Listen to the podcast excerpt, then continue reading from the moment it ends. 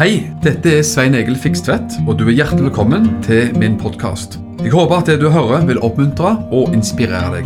Ønsker du mer informasjon om arbeidet i drivet, så kan du gå til mission-alliance.org. Gud velsigne deg. Kolossene 3,15 sier Kolossene 3,15 Og la Guds fred råde hjertene deres. Den ble dere også kalt til i ett legeme, og vær takknemlige. La Guds fred råde i hjertene deres. Jeg har kjent på det at vi skulle dele noen ting om Guds fred. Det er Den hellige ånd som gir fred, og Den hellige ånd bor i våre hjerter. Den hellige ånd bor i våre hjerter, og ved Den hellige ånd så er også Guds fred i våre hjerter, naturligvis. Og um, jeg får si det sånn at det kjente jeg ville lagt på hjertet mitt før i går. Når vi våkna opp i går til meget krevende nyheter fra Midtøsten og det som skjer der. Men vi lever i en tid, uansett, der man trenger Guds fred. Og vi skal trenge Guds fred mer enn noen gang, faktisk. Og Bibelen har utrolig mye å si om dette som har med Guds fred å gjøre, faktisk. Og eh, Bibelen oppmuntrer oss til at Guds fred skal bo i våre hjerter, skal råde, skal være dominerende i våre liv. Og det er jo noe som trengs eh, spesielt når tidene er vanskelige og krevende, selvfølgelig. Du får en del skriftstøtter av meg her i dag, altså. Romerne 14, 17 sier Romerne 14, 17, For Guds rike består ikke i, i å spise og drikke vi trenger det også, da, men bare at det hører dette menneskelige livet til. Jordelivet til i stor grad. Men Guds rike altså, det består i rettferdighet og fred og glede i Den hellige ånd. Altså, Guds rike er tre ting i det minste. Rettferdighet og fred og glede i Den hellige ånd. Så altså, Guds fred er kolossalt viktig. Og vet du hva? Noe av det siste Jesus sa før han da gikk til korset og Jesus talte til oss om hvordan tilværelsen skulle være etter hans oppstandelse, etter hans himmelfart, så ga Jesus en leksjon i Bibelen om hvordan, eh, hvordan våre liv skulle se ut. Hvordan tilværelsen skulle se ut. Og Faktum er det at Johannes 14, og 15 og 16 er Jesu både siste undervisning. Ordentlig, liksom, systematisk undervisning og langtekkelig undervisning til disiplene før han gikk til korset og siden himmelfart, selvfølgelig. Så er det jo sånn at da sier Jesus i den, i, i den talen der sånn, som, som man gjerne kaller for Jesu eh, avskjedstale Avskjedstalen til Jesus, altså. Så sier Jesus bl.a. disse ord, fantastiske ord. Johannes 14 og vers 27. Fred etterlater jeg dere. Min fred gir jeg dere. Tenk på det. To ting. Han sier det om igjen og om igjen. Fred etterlater jeg dere, og min fred gir jeg dere. Ikke som verden gir, altså ikke den fred som verden har å gi. Man skjønner jo at den er variabel, og den uteblir til, til gangs av og til. La ikke deres hjerte forferdes, og la det heller ikke gripes av frykt. Er det et aktuelt ord i disse dager, med tanke på siste døgns og to døgns nyheter fra Midtøsten og andre steder? Selvfølgelig. Altså, bli ikke grepet av frykt, men bli bevart i Guds fred. Jeg tror at det, Hvis vi bare klarer å være bevart ved Guds nåde og være bevart i Guds fred og være bærer av Guds fred, så har du og meg noe å gi til andre mennesker. For mennesker, sier også Bibelen, skal bli grepne av angst og rådløshet. Og hvor, man, hvor finner man da fred hen? Jo, i Guds menighet. Blant de kristne. I ditt og mitt liv. Guds fred råder hos Guds folk. Guds fred råder hos oss med en bolig for Den hellige ånd, med en bolig for den freden som bor i oss.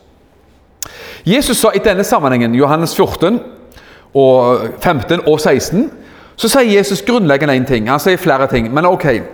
Han sier det Snart, sier han, så drar jeg herfra. Snart så drar jeg fra jord opp til himmelen. Jeg drar der jeg kommer fra. Jeg har gjort jobben min. Jeg har gjort min jobb. Jeg har gjort frelsesverket. Så sier Jesus, 'Jeg drar, men jeg lar freden min være igjen.' Jeg drar av gårde, men det som skal bli igjen etter meg, det er freden min. Den, den blir altså. Jeg tar ikke den med meg. Den lar jeg bli igjen hos dere.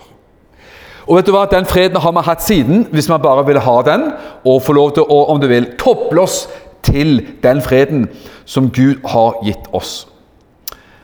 Du får masse skriftsteder her i dag, som jeg har sagt, men du skal slippe å ta tid på å slå opp. Jeg skal bare lese det. Og være nøye med hvor det står, sånn at du får det med deg. Johannes 16, 33, det er også et kolossalt viktig vers. Johannes 16, vers 33.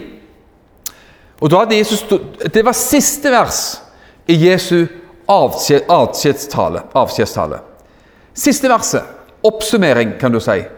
Og så sier han Alt dette, alt dette jeg har prekt om nå, sier han, har jeg talt til dere for at dere skal ha fred i meg. Jeg har prekt om alt dette, sa Jesus, fordi jeg vil at dere skal ha fred. Han, han, liksom, han slo den spikeren helt inn, altså.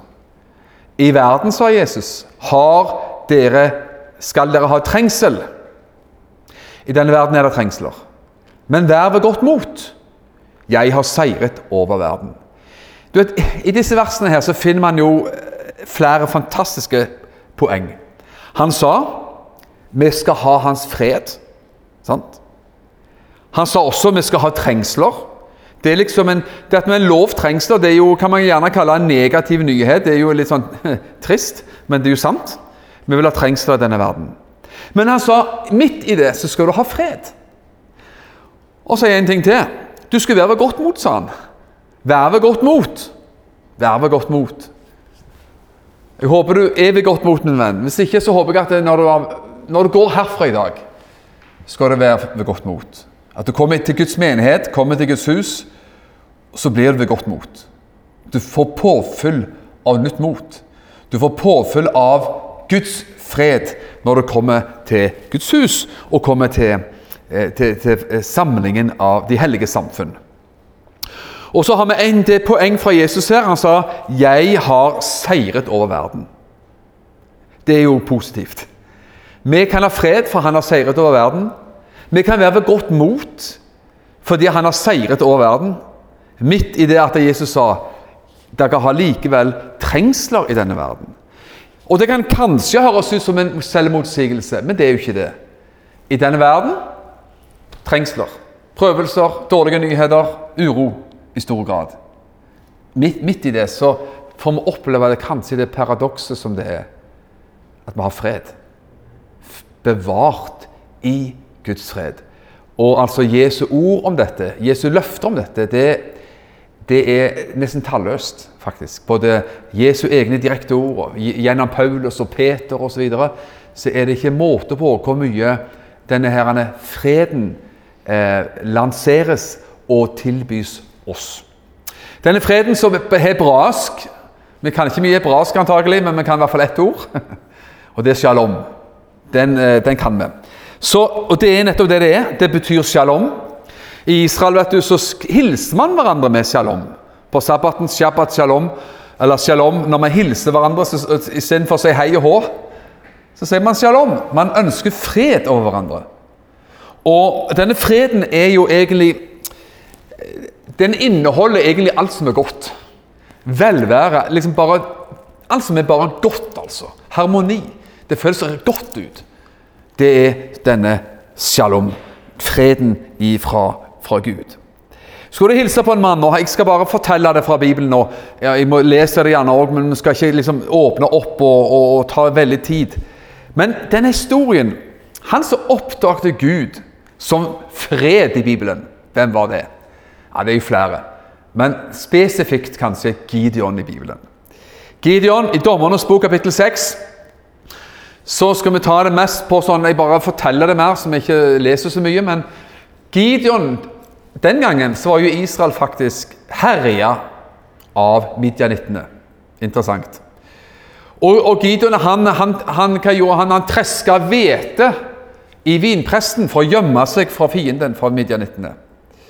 Og så skjer det at Guds engel kommer til Gideon og sier 'Herren er med deg, du djerve kjempe', sier han bare. Og Det er typisk Gud. for Når vi som Gideon følte seg som fryktelig liten og redd og gjemte seg for fienden, så er det sånn at Gud er bare annerledes. Og han sier 'Herren er med deg, du djerve kjempe'. Og Jeg liker i hvert fall selv å fantasere litt når jeg leser Bibelen. Og Det kan jo hende at han siktet seg bak over skulderen til Gideon og tenkte er det, en, er det noen andre her også, siden han snakker om en, en djerv kriger og en djerv kjempe? Eller snakker han til meg, tenkte han. Men Herrens engel talte til Gideon. Herren er med deg, du djerve kjempe. Og han følte seg ikke som en djerv kjempe, for han gjemte seg jo for midjanittene. Ok, og Da skal jeg bare lese litt også, da. Dommerne 6, 13. Da sa Gideon til ham, 'Herre, hør på meg.' Syns det er festlig vet du, når, når, når du tar til motmæle mot Gud og sier 'hallo'. Hør her, hør her, Gud. Du finner mange sånne i Bibelen. Peter gjorde også det. og de, litt, de hadde en sånn frimodighet overfor Gud. Så Gideon sa til altså Herrens engel og sa, 'Herre, hør på meg', sa han. Hvis Herren er med oss Du sa nettopp, Gud, at eh, Herren er med. ok? Hvis Herren er med oss, hvorfor har alt dette hendt oss? Og hvor er alle hans underfulle gjerninger, som våre fedre fortalte oss om, da de sa, førte ikke Herren oss opp fra Egypt? Men nå har Herren forlatt oss og overgitt oss til midjanittenes hånd. Kan du se at Gideon, hans virkelighetsforståelse var nederlag, vonde erfaringer? Og så kommer, så kommer Herrens engel og sier det 'Herren er med deg', og liksom, eh, eh, liksom oppmuntrer noe voldsomt og gir han på en måte en slags annen realitetsorientering. Så driver Herrens engel og Gideon og diskuterer, og så sier Gideon hør her, nå, nå hører du litt på meg, Herre, sier han. altså. Nå skal du høre min virkelighetsorientering, min virkelighetsforståelse. Det er jo det at eh, hvis Herren er med oss, hvorfor har alt dette hendt oss? Og jeg må tro hvor mange som noen gang i livet har kanskje tenkt det, eller sagt det høyt. Hvis Gud er med oss. Hvorfor har alt dette hendt? Har du tenkt det noen gang? Om, men ting som skjedde som ikke burde skje, som ikke skulle ha skjedd. Uventede hendelser, uventede ulykker. Du håpte på én ting og planla én ting, men så ble det liksom ikke det du trodde og håpte likevel. Hvis Herren er med oss, hvorfor har alt dette hendt, sier han. Og han har et annet spørsmål også. Han sier hvor har det blitt av alle Guds undergjerninger? Hvor har det blitt av alle undrene for Gud? Hvor har det blitt av alle disse fantastiske tidene med vekkelse? Eller sterke helbredelser, eller sterke frelsesvitnesbyrd? Hvor har det blitt av alt sammen? Det sitter kanskje bare noen få sjeler igjen i forsamlingen vår. Hvor har det blitt av alle ting som våre forfedre en gang snakket så sterkt og inderlig og gledelig om? Vet du hva som er rart med Gud? Ut fra denne fortellingen og mange andre fortellinger i Bibelen. Og det er, du, får snakke, du, får ta en alvor, alvorsprat med Gud om det. da. Ikke, ikke, du må ikke spørre meg, for jeg vet ikke. Men det rare er vet du, hva det er? at Gud svarte ikke på alle de spørsmålene. Det får du ta opp med Gud en gang. Han hadde spørsmål, to spørsmål. Hvorfor har alt dette hendt oss? Og hvor er alle, hvor er alle undrene henne? Men Gud svarte ikke på det. Men Herren er liksom på en annen frekvens av og til. Han sa bare hva han sa. Du har det på skjermen også. Gå av sted så sterk som du er. Amen. Gå av sted så sterk som du er, og du skal slå midjanittene til sistemann osv. Så og sånn. Ok? Så Gud taler til oss i dag og sier 'frykt ikke'. La ubesvarte spørsmål ligge hos Gud. Men gå av sted, så sterk som du er. Frimodig og full av Guds fred i livet. Og så sier Herren senere, vers 16.: Jeg skal være med deg, og du skal slå midjanittene ned som en mann. Så kaller Gud Jeg skal bare ta det ut fra, bare fortelle litt videre. Så kaller Gud noe utrolig. For nå kaller Gud en mann til å lede Israel og slå ned midjanittene og vinne seier. Så taler Herren til, eh, til Gideon og sier det at du, Det vi begynner med først, sier han, det at du skal eh, være såpass til mannfolk til at du river ned avguds, eh, avgudsofrene, avgudsaltrene, til faren din. Ikke til hvem som helst. Du begynner i eget hus. Så tar du og river ned pappa sine avgudsaltere. Så tar vi det derfra. Og vet du hva? Eh, Gideon han eh, var redd. vet du. Han eh, var ikke høy i hatten. Han gjorde det, men han gjorde det på natta. Når det var mørkt, i nattens mulm mørke, så manna han seg opp og så tok han et skikkelig Og, og ødela altså altrene, avgudsaltrene til hans pappa. Men vet du hva? Det Gud sier midt i alt dette her sånn, så sier han det. og Nå hopper jeg litt i teksten, for han, Gideon han rekker jo fram og gir, serverer denne engelen et måltid mat. Og Herrens engel han, han tar jo også for, eh, setter fyr på dette. Han lar ild komme og fortære dette måltidet. Men så sier da Herren til han midt i dette her Fred være med deg, sier han. Frykt ikke, du skal ikke dø. Så midt i han får dette voldsomme erfaringen med Gud og Guds engel Han var kalt og rive ned altrene til faren sin, og siden ledet han jo Israels folk til å vinne seier. Men vet du hva? Han var redd. Han var redd. Han var veldig redd. Men så sier Gud, fred være med deg. Du skal ikke dø. Og vet du hva? Da er det Gideon responderer og sier og bruker ordet enten, enten man bruker ordet Jehova eller Javé, shalom. Herren vår fred. Så her kommer dette navnet Herren vår fred inn for første gang i Bibelen. Jehova eller Javé, shalom. Gud, Herren vår fred. Han oppdagte Gud som sin fred. Og vet du hva? Hellige den personen, det må jeg bare si. Ut fra det vi har lest allerede, både fra Nye og Gamle testamentet, så kan vi i hvert fall slå, eh, slå det fast. Og det er hellige er den personen.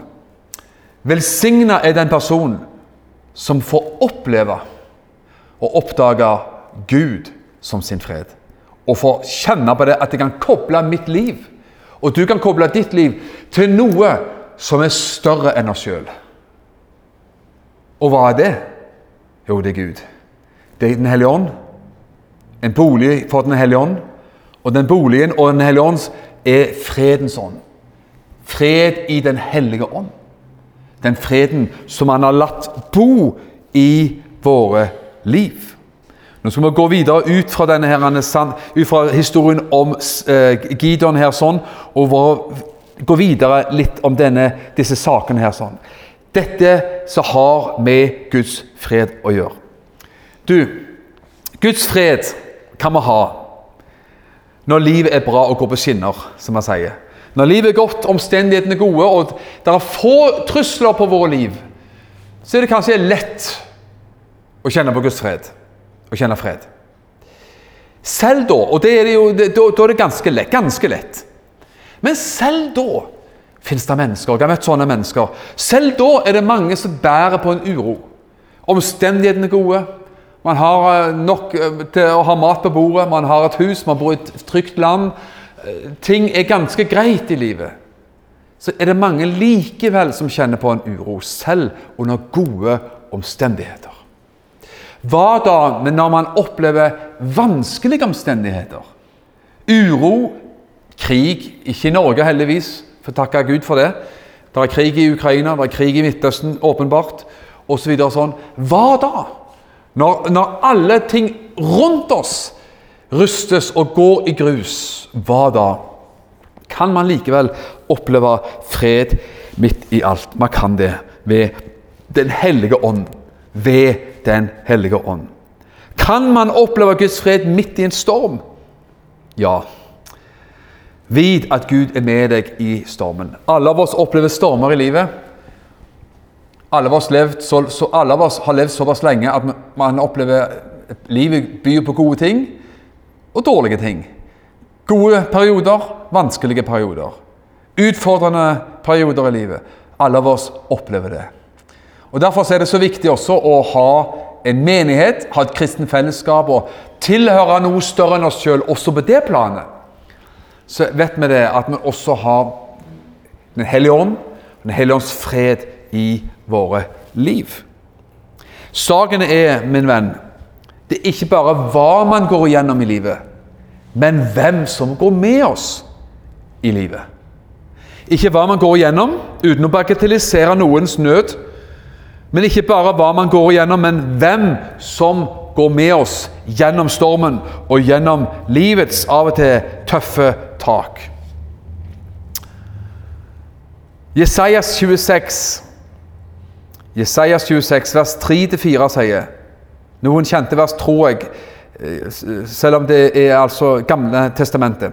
Jesajas, Jesajas 26 vers 3 spesielt. Du, sier han, eh, Jesajas, skal bevare den i fred. Ja, i fred. Den som har et grunnfestet sinn. For han stoler på deg. Må Gud hjelpe oss til å ha et grunnfesta sinn, at det vårt sinn og vårt hjerte er rotfesta og grunnfesta i noe som er større enn oss sjøl. I hva for noe? Jo, i Bibelen, i Skriften selvfølgelig. Hele Skriften gitt oss av Gud. Men også, ikke minst, veldig spesifikt at, at vår fred er forankra i Golgata-verket. Golgata-verket, Jesu frelsesverk på korset. At det, det er forankra i de ting som har med Jesu forsoningsverk å gjøre, er jo så kolossalt viktig. Gud skal bevare oss gjennom alle stormer. Du skal bevare den i fred. Ja, i fred, den som har grunnfestet sinn. Vers 4 eh, sier Stol på Herren for all tid, for i Herren, ja, i Herren er evighetens klippe. I Herren er evighetens klippe. Du, det er jo fantastisk. Jeg liker å si det sånn. Det er noe fantastisk når en syvåring Det er, ikke, det er en syvårig år gammel gutt eller jente er jo, ikke, er ikke så gamle eh, eh, mennesker, altså. Er ikke så gammel. Men det er jo fantastisk når en syvåring kan se at Gud er god og trofast.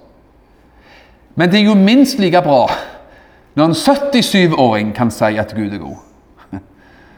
For man har hatt 70 år ekstra til å prøve ut det på. Og Det er sterkt å se når man møter mennesker i høy alder som kan se tilbake på et liv. Og Mange ganger jeg blitt eh, faktisk grepet når jeg har skrevet minneord i forbindelse med begravelser og, og kan skrive og, og, og, ha begravelse og tenke gjennom et levd liv. Der mennesker i mange tilfeller hadde opplevd litt av noen stormer. Men så var livet prega av Guds fred, faktisk. Prega av gleden i Gud, prega av at man hvilte i Gud. Kolossalt viktig. Så Gud er god, og Gud har just dette for oss, at vi skal få lov til å å leve i den freden midt i den vonde verden vi lever i vår tid.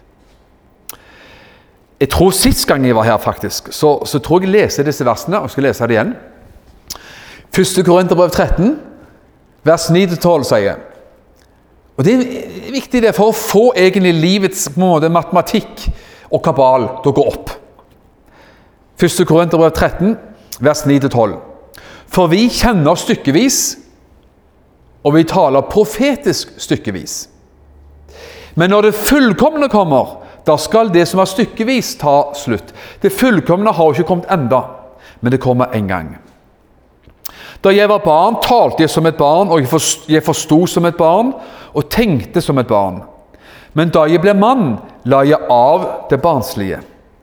For nå, sier han, nå, det, på denne siden av evigheten, nå ser vi som i et speil, i en gåte. Men da skal vi se ansikt til ansikt. En dag. En dag skal vi få lov til å se ansikt til ansikt. Vi skal få se alle ting. Nå, her og nå, 8. 8. 8. oktober, nå må jeg tenke meg om, 8. oktober 2023, så er det sånn Her og nå i dag, altså, så ser vi et speil. Nå kjenner vi stykkevis. Men da skal vi kjenne og erkjenne fullt ut, og skjønne og forstå fullt ut. Det er fantastisk. La oss si noe få ting, herrene. Videre om denne, denne freden fra Gud. Johannes 14, 27 sier Fred etterlater jeg dere. Min fred gir jeg dere. Ikke som verden gir. La ikke hjertet deres forferdes, og la det ikke gripes av frykt. Det har vi lest eh, allerede, og vi leser det igjen. Jesus han, han hadde behov for å mm, få dette inn i disiplene sine. For han visste at jeg også ville oppleve vanskelige, og tøffe og krevende tider i de tidene som lå foran. Og han sa at 'min fred den skal få lov til å råde i livet deres'. Filippane 4,6. Der tilbyr Gud oss en fantastisk byttehandel. Filippane 4, vers 6-7, kjente vers. Vær ikke bekymret for noe. Ja, Det er lettere sagt enn gjort. Ja, det er det. Det er derfor vi trenger disse versene også, da. Men la i alle ting deres bønneemner komme fram for Gud i bønn og påkallelse med takksigelse. Altså, vi bærer på bekymring, en byrde i våre liv. Vi bærer det framfor Gud i bønn og påkallelse med takksigelse. Og så kommer Guds ord, og så kommer Paulus i dette tilfellet her sånn med en, en slags byttehandel. Vi kommer til Gud med vår bekymring. Men så står det etterpå og Guds fred. Guds fred som overgår all forstand. Altså den, Guds fred har en evne til å gå overgå. Den stiger over. Hvis våre, våre bekymringer stiger ganske høyt i våre liv Ja, Guds fred har evne til å stige over, overgå vår bekymring. Har en evne til å overgå vår frykt har en evne til å gå over og legge seg utenpå våre vanskelige omstendigheter. Sånn at man bærer med seg Guds fred midt i vanskeligheter og midt i en storm. Guds fred som overgår all forstand, skal bevare deres hjerter og deres tanker i Kristus Jesus. Altså en byttehandel, kan du si. Fordi at vi gir Gud vår bekymring og så får vi fred tilbake. ikke det bra innbytte? Bytte bort bekymringen og frykten, og så får vi fred tilbake. Det minner meg veldig om det som Jesus sa i Matteus 11, 28-30. Kom til meg, alle dere som strever og har tunge byrder, og jeg skal gi dere hvile. Altså, kommer til Han, vi har tunge byrder, vi kommer til Han, og Han gir oss hvile. Altså, kan du si det? Vi gir vår byrde til Han. Og Han skjenker oss sin fred og sin hvile. Og Så fortsetter Jesus da i, i Matteus 11 der, vers 28, 29 og 30. Så sier han Ta mitt åk på dere.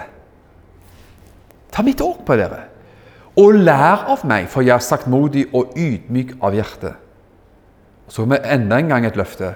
Og dere skal finne hvile for deres sjel. Er du enig i at det, fred og hvile høres nokså likt ut? Det er liksom det samme natur. Det er i samme kategori. Altså Vi kan få en bytte, et godt bytte hos Gud. Vi bringer vår byrde, vår bekymring, gir det til Jesus. Og han skjenker oss sin fred og sin hvile. Egentlig så er Mattes 11, 28 derene og 29 veldig likt det som vi leste her i Filippane 4. Faktisk ganske likt. Samme sak. Samme innbytte som vi får lov til å gjøre hos Gud sjøl. Og det er kolossalt viktig å gjøre det.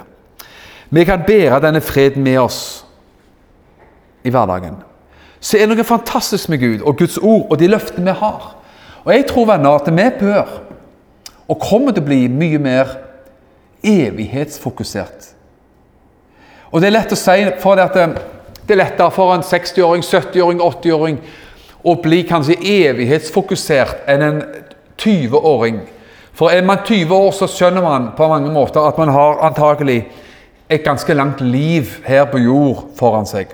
Og etter, etter hvert som årene går for alle av oss, så skjønner man på en måte at det, man får mindre og mindre igjen av jordelivet. Og man, mer, og man skuer mer og mer inn mot evigheten. Og For en glede det er å ha et evighetsperspektiv. Stakkar de, ja, jeg får lov til å si det, stakkar de som ikke har et evighetsperspektiv. At til slutt, når det er slutt, når det er slutt, ferdig snakka, da er det punktum. Og man sitter igjen bare med minnene til slutt i en etterlatte. Istedenfor å ha det håpet og den troen og den tryggheten og den vissheten om at vi skal ses igjen. Dette jordelivet er ikke slutten. Bibelen er jo full av dette med evighetsperspektivet i våre liv. Og skjønner, Det er noe av det som skjer her nå, som vi skal bare ta med helt sånn mot slutten her. Og det er jo det at Gud vil at vi skal få lov til å bære med oss denne freden. Fordi en dag så kommer fredsfyrsten tilbake. En dag så kommer Jesus tilbake. En fredsfyrsten kommer. Og vi skal få lov til å bli bevart i fred. For han er fredsfyrsten. Og Derfor står det det, vet du. Jesajas 9, vers 7. Vi skal egentlig lese både Jesajas 9,6 og 9,7, for det henger sammen, naturligvis. Jesajas 9, vers 6-7. For nå kommer julebudskapet først. For et barn er oss født, og en sønn er oss gitt. Det er, jo, det er jo julens budskap. Herredømmet er på hans skulder, og hans navn skal være under, rådgiver, mektig Gud, evig far og fredsfyrste. Han som regjerer over freden. Han regjerer i fred og over fred. Men så står det etterpå Herredømmet skal bre seg vidt, og freden skal være uten ende, står det, over Davids trone, over hans kongerike for å grunnfeste det og holde det oppe ved rett og rettferdighet fra nå av og til evig tid. Herskernes Herres nidkjærhet skal gjøre dette. Venner, vi tror på Jesu gjenkomst. Vi tror på en ny himmel og en ny jord. Vi tror at Jesus kommer igjen en dag. Ikke til Oslo eller Brussel eller New York eller Tokyo. Han kommer til sin egen by, Jerusalem. Hvorfor er det så mye strid om akkurat den byen? Bibelen har svaret på det. Vi skal ikke snakke mye om det i dag. Det er bare å følge med på TV og lese Bibelen samtidig. Bibelen har svaret. Hvorfor er det så mye kamp om den byen? Hvorfor er det ikke kamp om noen annen by? Bare den byen. Mattes 5, vers, jeg tror det er vers 30 eller vers 35, så står det Jerusalem er den store konges by. Det er byen til den store kongen, Herren Jesus Kristus, fredsfyrsten. Derfor er det så mye kamp om just den byen. Du, Vi skal, vi skal gå mot slutten, og du skal få, få bare ett vers til slutt. Et vers til slutt. 2. Peters brev 3,14. Et hilsen, et vers og en hilsen, tenker jeg, inn i den tid vi lever i. Inn i den merkelige, ugudelige, urolige tid vi faktisk talt lever i. Fordi I 2. Peters brev, kapittel 3, så snakker Peter om mange jeg skal ikke si rare ting, men, men krevende ting. For Peter snakker om, som han synger i en sang, 'Himmel og jord kan brenne'. Han snakker om at en dag skal ting ta slutt. Men vi venter på en ny himmel og ny jord. Hvilket perspektiv? Og midt i dette Peter da snakker om ting som skal forgå, ting som skal brenne opp høres grusomt ut, men også det som er fantastisk. Vi venter på ny himmel og ny jord hvor rettferdighet bor. Så kommer det verset du skal få her. Midt i alt dette her så sier Peter og gir og lander dette på en fantastisk måte. Da sier han, 'Mine kjære', sier han. 3.14, 2. Peter 3,14. Derfor, mine kjære, når dere venter på alt dette, legg da vind på og bli funnet i fred av ham, uten flekk og lyte. Det er fantastiske ord. I det at vi venter, bare venter vi på, bare, bare skjer Jo, et skifte mellom på mange måter den gamle, syndige jord og den nye himmel og nye jord. Ja, hvor er i, hvor er vi på kalenderen nå? Hvor, hvor, hvor er vi i det, i liksom det spennet? Ingen av oss vet fullt ut det. Dagen og timen kjenner ingen for Jesu gjenkomst som sådan. Men vet du hva? Vi vet bare det at det, til enhver tid skal vi få lov til å bli funnet i fred av ham. Og så står det 'legg vind på å bli funnet i fred'. Så det er noe med det at vi også er med på. Vi legger vind på. Vi, vi fokuserer på. Vi, vi tar del i det også aktivt. Og sier 'Herre, jeg legger vind på'. Jeg holder rundt. Jeg griper tak i din fred. For den er tilgjengelig for meg til enhver tid. Det fins hos oss.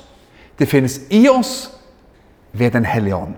Vi er en bolig for Den hellige ånd. Helligånd bor inni oss. Freden bor hos oss og i oss. Vi trenger bare å koble med det. Og, Den hellige ånd bor i oss, og Den hellige ånd bor iblant oss. Skjønner, Jeg og du som enkeltmennesker er et tempel for Den hellige ånd. Men når vi kommer sammen som et, som et enda større tempel, da er vi sammen et tempel for Den hellige ånd. Og Guds fred og kjærlighet og alle de ting som har med Den hellige ånd å gjøre, skal få lov til å bo rikelig og sterkt iblant oss. Vi legger vind på å bli funnet i fred av Ham, uten flekk og lyte. Amen. Takk for at du har lytta til denne podkasten. Jeg ønsker deg en velsigna god dag.